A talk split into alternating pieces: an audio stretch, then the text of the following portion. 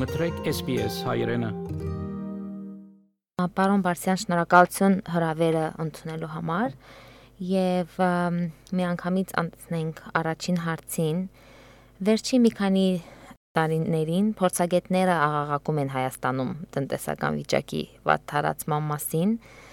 Դրան ավելացավ կորոնավիրուսի համաճարակը եւ Արցախյան պատերազմը։ Ինչպիսին է Հայաստանի տնտեսական պատկերը հիմա եւ Ինչ տարի է մեզ սպասվում 2021-ին։ Նախ շնորհակալություն այս հնարավորության համար։ Հայաստանի տնտեսական իրավիճակը պայմանավորված է ոչ միայն կորոնավիրուսով, դրա բացական հետևանքներով, այլ նաև այն տնտեսական քաղաքականությամբ, որ վերջին 30 տարիների ընթացքում իրականացվել է։ Մեր տնտեսությունը ունի բավականին լուրջ խնդիրներ, խորքային խնդիրներ, որոնք վերջին տարիների ընթացքում ավելի են խորացել։ Այդ խնդիրներից են մենաշնորները, ռեսուրսների անարդյունավետ բաշխումը, եկամուտների անհավասարաչափ բաշխվածությունը եւ այլն եւ այլն։ Վերջի այս կորոնավիրուսի ճգնաժամը ըստ էության մատնացույց արեց մեր տնտեսության հատկապես խոցելի խնդիրներն ու խմբերը եւ այն երկրները որոնք ունեին թույլ տնտեսի տնտեսություն, հիվանդ տնտեսություն այս ճգնաժամից ավելի թույլատրած դուրս կգան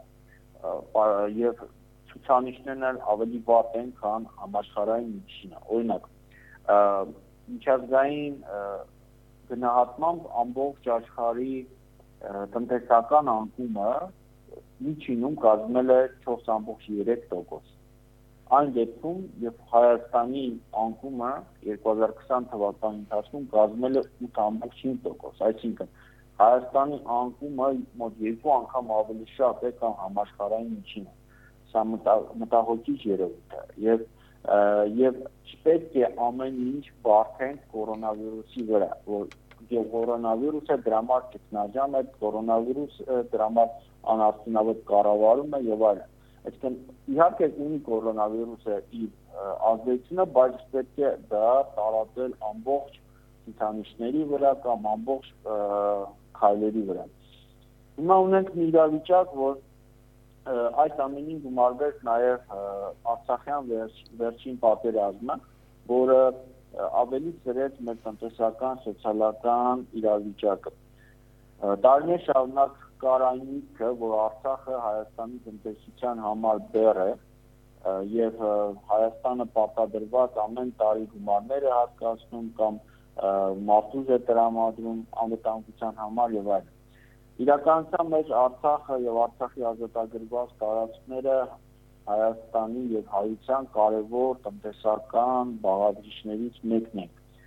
մենք օրինակ տարեկան Արցախից ստանում էինք մոտ 330 միլիոն կիլովատ հոսանք։ Հիմա այդ հոսանքի մատակարարման խնդիրը այս բան բավականին սուր է դրված եւ նույնիսկ Արցախը չի կարող իր ինքնաբավություն ապահովել։ Մենք պետք է Հայաստանից էլեկտրոէներգիա արտահանենք։ Այնտեղից Արցախից ստանում ենք նաեւ գյուղմթերք, նաեւ խոտ, անասնապահության համար էժան տավարինից եւ այլն։ Այսինքն եւ ամենակարևորը ջրային ռեսուրսներ։ Այս ամենը ստեյության հիմա ունենք տնտեսական ռեսուրսներ են այս ամենը եւ ցանկացած տնտեսություն հիմնվում է նման ռեսուրսների վրա։ Մենք հիմա ոչ միայն պետք է գտնենք այս ռեսուրսների այլընտրանքային տարբերակներ, այլ նաև լրացիչ ծախսեր մեծ ծախսեր կատարենք նաև Արցախի տնտեսության պետականաշինության վերականգնման համար։ Այսինքն մենք 2021 թիվը ինք ենք գործել ավելի թույլ տնտեսական հիմքերով, բաց ցուցանիշներով եւ մեր այս ճգնաժամային իրավիճակը իրոք պարտադրում է որ գնալ արմատական քայլերի եւ լուծումներ նոր լուծումներ գտնել։ Միանշանակ այդ լուծումները կան եւ մենք պետք է փորձենք փոխել մեր ֆինանսական, տնտեսական, սոցիալական քաղաքականությունը, որը մեզ հասցրել է այս կետին։ Իսկ դրա համար նախ եւ առաջ անհրաժեշտ է փոխել տնտեսական, ֆինանսական քաղաքականություն իրականացնող մասնագետների թիմի, այդ թիմը ինչպես նախորդ կառավարության օրոք, այնպես էլ այս կառավարության օրոք գրեթե մնացել է նույնը։ Քաղաքական առումով տեղի ունեցել փոփոխություններ, դեմքեր են փոխվել, բայց թիմը, որը տնտեսական, ֆինանսական քաղաքականություն է տանում Հայաստանում, մնացել է նույնը։ Եվ նրանք պետք է ուղղակի փոխվեն նոր մոտեցումներով, նոր գաղափարներով փորձեն հաղթահարել այդ իրավիճակը։ 2021 թվականը Հայաստանի տնտեսության համար նաև դառնալու է լուրջ մարտահրավեր պարտքի կառավարման տեսանկյունից։ Հայաստանի պետական պարտքը դեկտեմբերի 31-ի դրությամբ կազմում է մոտ 8 միլիարդ դոլար։ Նախատեսվում է եւս մի քանի միլիարդ դոլարի պարկ վերցնել այն դեպքում երբ որ նման եկամուտներ կամ նման տնտեսական աճ չունեն 2021 թվականի համար այդ ամենին գումարվում է նաև գրամի արժեզրկումը, որը պայմանավորված է դոլարի հոսքերի կրճատմամբ, ներդրումների կրճատմամբ Հայաստան։ Մենք այս տարվա ընթացքում ունենալու ենք գրամի պարտանամ արժեզրկում, տատանումներով արժեզրկում, կարող է իջնել, բարձրանալ, օրինակ հիմա իջել է քիչ գրամի փոխարժեքը, այնտեղ հնարավոր է բարձրանալ եւ նաեւ այս տարի 2021 թվականը ունենալ են նաեւ անշարժ գույքի մասով խնդիրներ, այսինքն այն մարդիկ, ովքեր վարկեր են վերցրել եւ իրենց գույքն են գրավադրել, հիմա բիզնեսները սնանկացած են, դաթարի վիճակում են, բայց բանկերը բնականաբար պահանջելու են գումարներ։ Իսկ այդ գումարների երաշ որպես երաշխիք դրված է գույք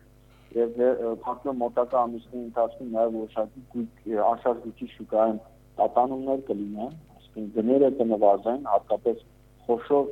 գույքերի մասով, խոսքը չի վերաբերում մեկ սենյականոց բնակարանների կամ մեկ երկու սենյականոց առանձնատների, այլ ավելի մեծ բնակարանների մասին է խոսքը վերաբերում։ Եվ մյուս կարևոր ուղղությունը էներգակիրների գները Հայաստանի տնտեսության համար, որը որոնք կարծում եմ դարձյալ կբարձրանան պայմանավորված դրամի արժեզրկմամբ եթե մենք չկարողանանք օրինակ ռուսական կողմի հետ ավարտենք մեր գազի բանակցությունները եւ ավելի մատչելի գնով գազ ձեռք բերեն, ապա մենք ստիպված ենք լինելու նաեւ գազի գինը վերանալ, որը շղթայաբար առաջացնելու այլ ապրանքների գների աճ։ Այսինքն մենք ունենք բազմաթիվ նման մարտահրավերներ այս տարվա ընթացքում, որոնք պետք է լուծվեն Եվ այս լուծումների հիմքում նաև շատ կարևոր գործոն է քաղաքական կապերը, հարաբերությունները, բանակցությունները, որոնք ցավոք սրտի վերջին տարի ընթացքում հիմնականում ձախողվել են։ Դուք ձեր խոսքում նշեցիք, որ գազի գնի թանկացում է սպասում կամ արդեն գազի գնի թանկացում կա եւ մեծամորի ատոմակայանի ժամանակավոր կանգառում է սպասվում մոտ ժամանակներս։ Դրան գումարվեց, որ Արցախի հեկերի մեծ մասը գտնում է ճշնամու ցերքին։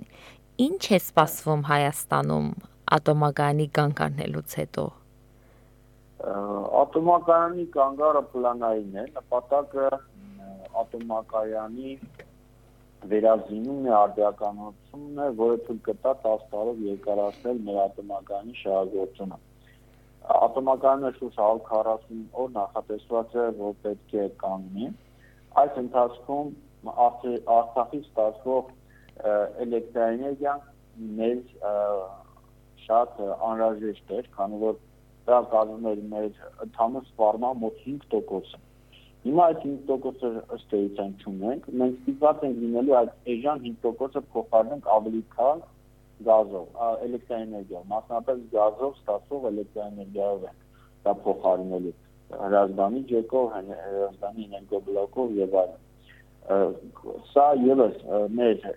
էլեկտրաէներգետիկ համակարգի համար եւս մարտահրավեր է խնդիր է։ Իսկ գազի գինը արդեն իսկ 2020 թվականի հուլիսի 19-ից բարձրացել է խոշոր սպառողների համար։ Հիմա օրինակ նախատեսվում է, որ փետրվարի 1-ից նաև էլեկտրաէներգիան թանկանա 400 եւ ավել կիլովատ սպառում ունեցող բաժանորդների համար, դեպքան խոշոր սպառող սպառողների համար էլեկտրոէներգիան կթանկանա 3 դրամով։ Իսկ խոշոր սպառողները դրանք բիզնեսն են, արտադրություններ են, որոնք ստիպված են լինելու իրենց ապրանքների գները բարձրացնել։ եւ դրա արդյունքում իրենք կորցնելու են իրենց գնորդներին, բրցունակություն են կորցնելու, որտեղ ավելի էժան Ռուսաստանից, Ղազախստանից եւ այլ երկրներից կգա Հայաստան։ Մենք մեր էներգիաների գներով, էլեկտրոէներգիայի, բնական գազի գներով մրցունակ չենք լինի ուղղակի տարածաշրջանում։ Սա կարևոր խնդիր է, որին պետք է անդրադառնալ նույն ռուսական, թուրքական, իրանական եւ այլ ապրանքներ ուղղակի մեր մեր մեր մեր շուկայից կհանեն։ Եվ պատահական չէ, որ բիզնեսը 2020 թվականին բավականին մեծ անկումներ ունեցել, մասնավորապես 2020 թվականի ընթացքում շուրջ 22000 բիզնեսներ են իրենց գործունեությունը դադարեցրել, որ մոտ նախորդ տարվա համեմատ մոտ 52% ավելի շատ։ Իսկ նման բաց ցուցանիշ մենք երբևէ չենք ունեցել։ Մենք լավ գտնվում ենք լուրջ ֆինանսատնտեսական ճգնաժամի մեջ, եւ սա պետք է հասկանալ եւ սրան սրան համապատասխան լուծումներ գտնել ճգնաժամային կառավարման անձը իսկ մեր կառավարության տնտեսական թիմը, նրանց քաղաքականությունը ուղղակի համարժեք չեն ստեղծված իրավիճակի։ Ներկա Հայաստանի ներկա իշխանությունները վերջերս շահարկում են այդ թեման, որ սահմանների բացման արդյունքում կզարգանա Հայաստանի տնտեսությունը։ Դուք ձեր հարցազրույցներից մեկում նշեցիք, որ սահմանների բացման զուգահեռ Հայաստանում վտանգվելու է տնտեսական անվտանգությունը։ Կարող եք ավելի մանրամասնել ինչի նկատի ունեիք։ Նշեմ, որ Հայաստանի տնտեսական շրջափակման խողի տակ ըստ էության փորձ է արվում լուծել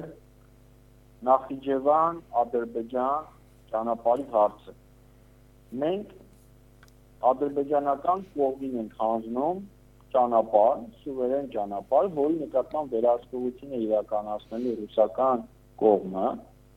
եւ դրա փոխարեն ստանալու ենք ապաշրջափակում։ Իսկ այդ ապաշրջափակումը ինչպես է արտահայտվելու։ Ենթադրենք հայկական որևէ ձեռնարկություն ցանկանում է Ադրբեջանի տարածքով բեռ արտահանել Ռուսաստան։ Ադրբեջանի տարածքով բեռների անվտանգության մասով որևէ երաշխիք չկա։ Մենք չենք կարող կամ ոչ ոք չի կարող երաշխավորել, որ մեր բեռնատարները օրինակ Ադրբեջանի տարածքով շատ հանգիստ կարող են անցնել։ ի տարբերություն ադրբեջանականի, որոնց երաշխավորը ռուսական զորքերն են լինելու Հայաստանում։ Սա ուզում եմ հստակ արձանագրենք, որ մեր ուզում են այս ապաշրջափակումը վաճառել ճանապարհ Նախիջևան Ադրբեջան ճանապարհով ասում եմ սա իրար համարժեք երևույթներ չեն։ Իմ հաջողությամբ Վրաստանը մի օր է կարող է զարթել, ասել ինձ ինչպես նախ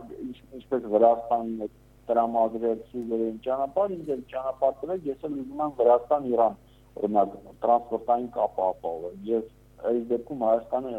ինչ է պատասխանելու կամ ինչ կարող է առարկել։ Սա ապաշրջափակման մասը։ Երկրորդը պետք է անդրադառնանք տնտեսական հնարավոր խնդիրներին։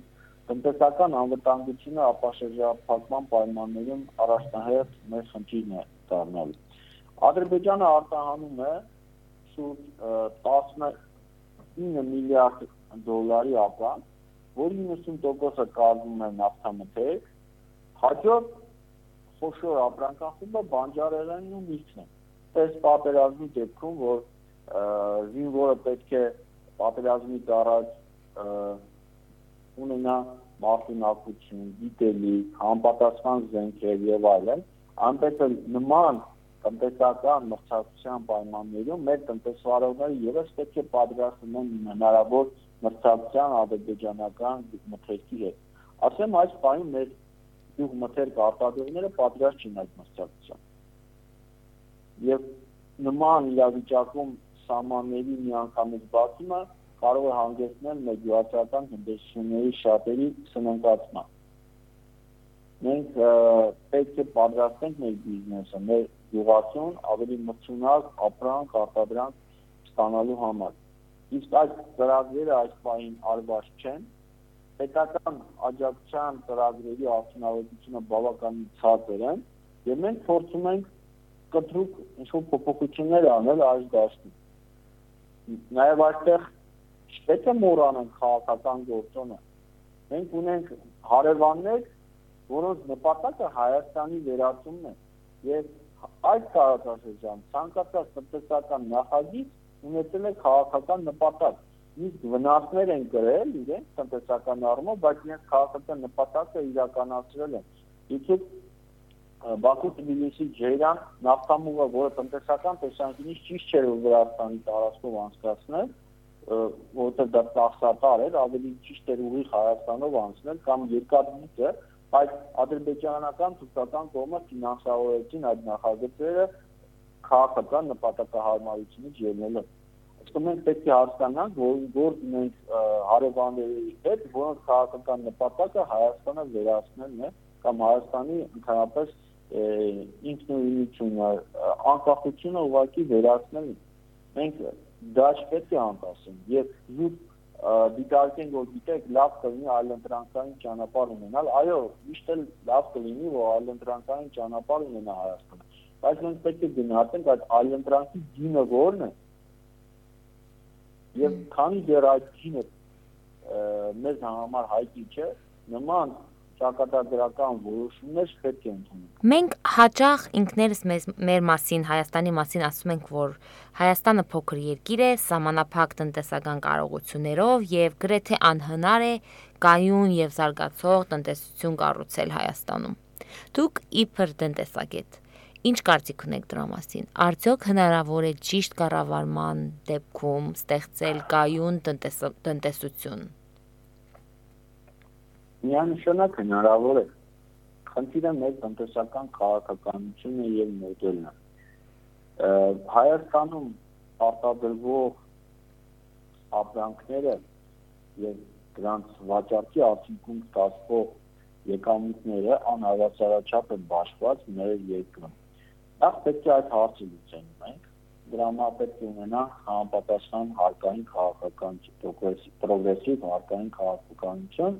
շատի շատ քիչ քիչ սկզբունքը պետք է գործի։ Եվ պետական բյուջե շատ ունեցողը պետք է շատ վճարի եւ շատ կարեւոր է մենաշնորհային այս տնտեսական համակարգը քանդել վերացնել Հայաստան։ Եթե օրինակ նախկինում ունեինք տնտեսվարողներ, որոնք շաքարավազ, բեզին, այլ դերնցող միակ ընկերություններն են եւ իրենք ներմուծում են վաճառում են խանութներին հիմա այդ ընկերությունները ոչ միայն դարձել են հիմնական կամ մնացել են ոչ միայն հիմնական ներկրողները, այլ նաև իրենց վերահսկողության տակ են վերցրել սուպերմարկետների ցանցերը, խանութները այսինքն մեծածախ, մանրածախ շուկան ամբողջությամբ իրենց ձեռն վերցրել։ Եվ այս իրավիճակում ուղղակի փոքր միջին բիզնեսը հնարավոր չի գործի։ Իրենք սնանկանում են դուրս են գալիս շուկայից։ Մենք պետք է այս մենաշնորհների հարցը լուծենք օր առաջ։ Նաև շատ կարևոր է, որ պետությունը պետք է առանձին ոլորտներում մեծ դերակատարում ունենա։ Դրան դրանց թվում է նաև ավիացիան մենք տարիներ շարունակ որպես նպատակ դրել ենք Էժան ավիատոմս ունենալը։ Իսկ նման երկրում, որ որը շրջապատված է շշտամական երկրներով, դեր խնդիրը կամ հիմնական նպատակը ոչ թե Էժան տոմսը, այլ առհասարակ ավիափոխադրում ունենալը, ավիաընկերություն ունենալը, որը կապահովի Հայաստանի անվտանգ, անկախ ավիափոխադրումները։ Դրա վառ օրինակը այս Արցախյան պատերազմն է, երբ Հայաստան իրենց չվերթները դադարեցրեցին բազմաթիվ օտարիկի ավիաընկերություններ։ Իսկ ադրբեջանական Silkway-ը իրականացնում է քաղաքացիական բեռների տակ ռազմական բեռների փոխադրումներ։ Իսկ այդ հնարավորությունը մենք ըստ էության չունենք կամ սահմանափակ ունենք մենք պետք է մեր տնտեսությունը, մեր տնտեսական համակարգը, կրթական համակարգը պատրաստենք տարածաշրջանի մարտահրավերներին համապատասխան։ Մենք պետք է պատրաստենք, որ այս տարածաշրջանում, որ մենք ապրում ենք, պատերազմներից հնարավոր չէ խուսափել Եվ մեր տնտեսությունը պետք է դնենք ռազմական գծերի վրա։ Մեր կրթական համակարգը, մեր ինովացիոն համակարգը